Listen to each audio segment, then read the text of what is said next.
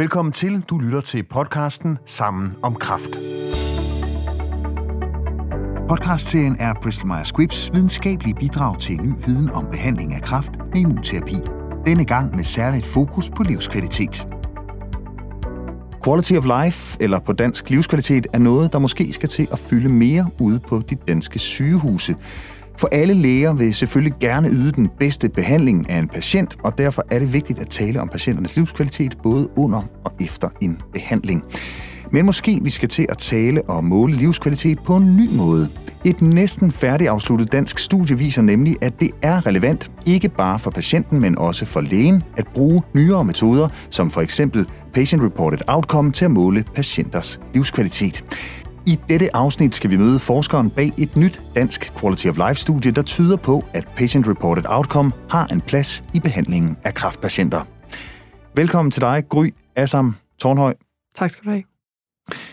På en måde så er du jo hele afsættet for denne her lille øh, podcast-serie om livskvalitet. Det er nemlig dig, der står bag phd studiet i Quality of Life. Men inden vi dykker ned i det her spændende studie, så synes jeg lige, lytterne skal vide lidt mere om din baggrund. Ja, jamen først og fremmest tak, fordi jeg måtte komme. Jeg er læge øh, og har arbejdet inden for øh, kraftområdet øh, i de sidste otte år, enten i kliniske stillinger eller øh, som forsker. Og lige nu er jeg i gang med at lægge sidste hånd på min phd afhandling som handler om brugen af patient-reported outcomes og livskvalitetsmålinger øh, for patienter med blærekræft i behandling med kemo- eller immunterapi. Og netop din phd afhandling den hedder Patient Reported Outcomes in Bladder Cancer. Øhm, hvad er det, du har fundet ud af? Jamen, øh, flere ting. Øh, blandt andet kiggede vi på, hvad vi ved om livskvalitet hos de her patienter. Og øh, det nedslående var, at øh, vi ved ikke noget for patienter øh, med øh, blærekræft behandling med kemo eller immunterapi. Og det er et problem, hvis man gerne vil gøre noget for deres livskvalitet, at man ikke ved, hvad man skal gøre. Øh, så derfor kiggede vi selvfølgelig på, øh, hvad er det for nogle symptomer, vi kan rykke på for øh, at, at bedre de her patienters livskvalitet. Og derudover har vi øh, kigget på, hvilke symptomer vi øh, skal følge for øh, at øh, finde en gevinst hos de her patienter i løbet af deres øh, behandlingsforløb. Øh, og samtidig, hvordan øh, hele det her øh, setup kan lade sig gøre rent logistisk, teknisk øh, og, og ved at inddrage patienter og klinikere øh, i den her proces. Hvorfor fik du lyst til at gå i gang med lige præcis det her studium? Jamen, jeg kan godt lide, når det bliver lidt patientnært øhm, og, og konkret for patienten. Øhm, og, og jeg synes, der er et potentiale i at inddrage patienten mere i deres egen behandling, øh, og ture inddrage patienten mere i egen behandling. Øhm, og, så, øh, og så den her gruppe af patienter, en skrøbelig patientgruppe, som, som det giver mening at gøre noget for. Inden vi kommer alt for godt i gang, så synes jeg også lige, vi skal have forklaret, hvordan man egentlig definerer quality of life. Jamen det gør man øh, ved at måle livskvaliteten, kvantificere med et tal, øh, hvordan en patient har det, og det har været gjort i årtier. Øh, og det bruger man validerede spørgeskemaer til, som har været udviklet øh, mange, mange år tilbage. Øh, man bruger stadigvæk de samme spørgeskemaer i dag. Øh, og det er primært noget, man har brugt i kliniske studier, ikke så meget i den daglige hverdag.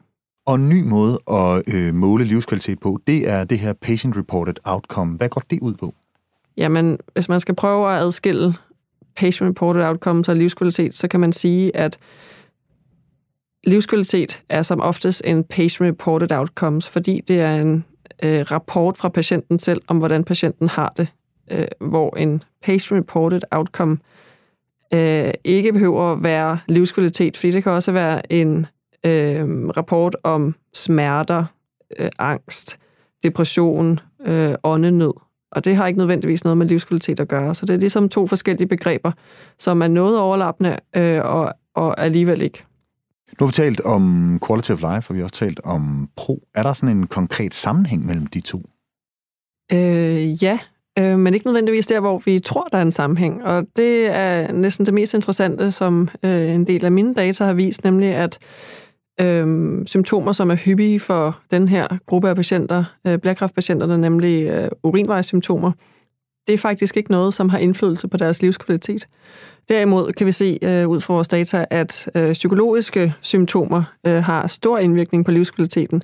Og det er ikke nødvendigvis øh, symptomer, som vi dagligt spørger ind til. Øhm, og det betyder så, at vi i virkeligheden kan øh, tilrette den øh, understøttende behandling øh, af symptomer bedre, hvis vi ved det her om øh, vores patientgruppe. Og det gælder jo ikke kun for blærkræftpatienterne, det gælder jo for øh, alle patientgrupper. Øh, den her viden er vigtig for at kunne øh, rykke noget på deres livskvalitet, så skal vi vide, hvilke symptomer har indvirkning øh, på det her. Du var lige inde på det før, men skal vi lige have slået helt fast, hvordan måler man patienters livskvalitet i dag? Jamen det gør man ved nogle validerede spørgeskemaer, øh, som er specifikke for den population eller gruppe af patienter, man gerne vil, vil undersøge. Og hvad er der galt med dem? Jamen, de er udviklet for mange årtier siden, og de er måske ikke øh, retvisende for, hvad det er, der egentlig betyder øh, noget for patienterne. Og det er ikke sikkert, at de i virkeligheden er følsomme for de ændringer, øh, der måtte være i livskvaliteten. Det vil sige, at man opfanger ikke det, der er vigtigt for patienten, nødvendigvis. Det er der i hvert fald noget, nogle nye data, blandt andet min egen, der tyder på. Øh, og derfor er det vigtigt at få inddraget det her begreb patient-reported outcomes yderligere ved siden af livskvalitetmålinger. Ja, fordi hvad er konsekvensen ved det andet? Jamen, konsekvensen er, at vi tror, at vi ved, hvordan patienten har det. Øh, men hvis vi ikke spørger til angst, så får vi heller ikke noget at vide om angst. Øh, nu er det bare et eksempel med angst, men det kan være mange andre symptomer, øh, hvor øh, livskvalitetsskemaerne øh, ikke er specifikke nok. Hvorfor er det nødvendigt med et øget fokus på quality of life nu? Jamen, det er det, fordi at man øhm, blandt andet politisk har fået øget fokus på at involvere patienten mere, og det betyder jo også at lytte mere til patienten. Øhm, og det kan man gøre ved at inddrage pro som led i behandlingen, øh, hvad enten det er kraftbehandling eller anden behandling. Og det, der så er vigtigt at, at holde for øje, og grunden til det er kommet i fokus, det er jo fordi, at man er begyndt at bruge pro på en anden måde. Øhm, pro kan man sige, traditionelvis har været øh, en passiv form for pro, indsamling af, af patientens øh, af spørgeskemaer fra patienterne, som en passiv indsamling af data, hvorimod det nye, den nye måde at bruge pro på er en aktiv øh, måde, hvor øh, patientens data bliver brugt i, den samme, i det samme forløb, som patienten indrapporterer de her data. Og det er det, som er kommet, hvad skal man sige, øh, hele forskningsfeltet for øje, at det er der en værdi i, både for patienten og nok også for klinikken og klinikeren. Kan du give et eksempel på øh, konsekvenserne af passiv og aktiv brug? Øh, ja, det kan jeg godt. Øhm, hvis vi starter med det øh, passive brug af brug, øh, så har jeg fra min egen studie et eksempel, øh, hvor en øh, mand, som er i behandling med øh, kemoterapi for sin blærekræft, øh, ellers i øvrigt rask, øh, ud over sin blærekræft, øh, indrapporterer de her data ugentligt, og det er som led i det studie, vi lavede på det tidspunkt, som øh, var en passiv opsamling af data. Øhm, men han indrapporterer øh, løbende forværing i brystsmerter og åndenød. Og det er der ikke nogen, der ser eller fanger op på, fordi det her det er en øh, passiv opsamling af de her symptomer. Øhm, det, der så sker, når han kommer til, at han skulle komme til øh, kontrol igen, det er, at jeg følger op på ham og ser, at han ikke er mødt op, øh, og at der er ikke nogen, der har kigget på de her øh, skemaer. Og det viser sig, at han er blevet øh, fundet død hjemme. Øh, okay. okay. Og, øh, og det er jo så et eksempel på, hvor galt det kan gå, hvis man ikke bruger pro med omtanke. Og hvis du så skal nævne et øh, positivt eksempel? Jamen, øh, det er også fra et af øh, mine egne studier, øh, hvor en øh, øh, ellers velfungerende ældre herre, øh, som har været igennem utrolig mange forskellige behandlingsmuligheder øh, for blærekræft, øh, ringer til mig, efter han er færdig med den seneste behandling, øh, og har øh, brugt PRO som en del af samtaleværktøjet øh, i sin, på sit øh, hospital. Han ringer til mig, fordi at han aldrig har oplevet øh, så god øh, kommunikation og, og kvalitet af sit forløb.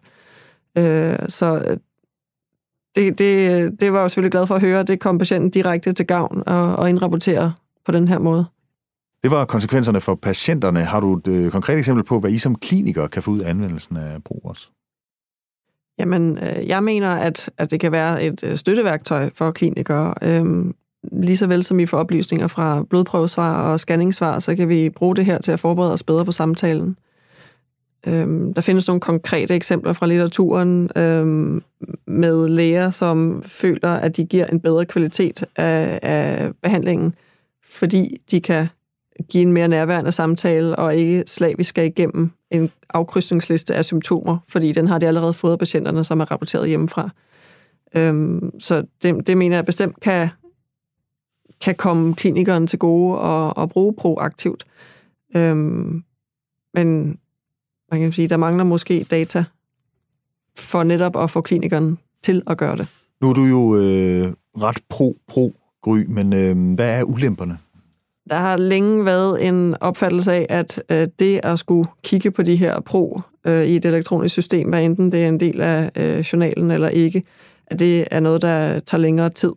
Øh, men det, det findes der dog en hel del forskning omkring, at øh, Øh, det rent faktisk ikke forlænger øh, øh, konsultationen med patienten, øh, men måske endda øh, har en tendens til at afkorte den lidt, fordi man snakker om det, der er vigtigt, i stedet for at snakke om øh, symptomerne, der står på en liste, man skal igennem. Vi kommer til at øh, diskutere ulemperne mere indgående senere, og vi har faktisk inviteret en kritisk læge i studiet, som øh, skal i debat med dig, Gry. Men indtil videre, der får du altså lov at være lidt udmodsagt, og i stedet for så får du lige lov til at svare på her, øh, om du med din viden vil anbefale brug af pro i det danske sundhedsvæsen sådan mere bredt. Man kan sige, jeg kan i hvert fald tale om, hvordan jeg gerne vil bruge det i forhold til lærkraftpatienterne, hvor det ser ud til, at de vil have en reel værdi øh, for at øh, følge dem tættere øh, og opfange flere af de øh, symptomer, som de døjer med under behandlingen. Øh, om jeg vil anbefale brug af pro øh, bredt i sundhedsvæsenet, øh, er nok mere tvivlsomt, fordi at der er nogle patientgrupper, hvor det ikke har en gavnlig effekt som sådan. Øhm, og der mener jeg måske ikke, at vi skal bruge sundhedsvæsenets ressourcer eller patientens tid øh, på at øh, bruge de her data, hvis øh, der er noget, der kan øh, supplere det. Det blev det sidste ord i podcasten Sammen om kræft. I næste afsnit, der skal vi som lovet tale med en onkolog, der er noget mere kritisk over for brugen af pro, og det er dig, han skal i debat med Gry. Jamen, jeg glæder mig. Og med det siger vi tak for nu.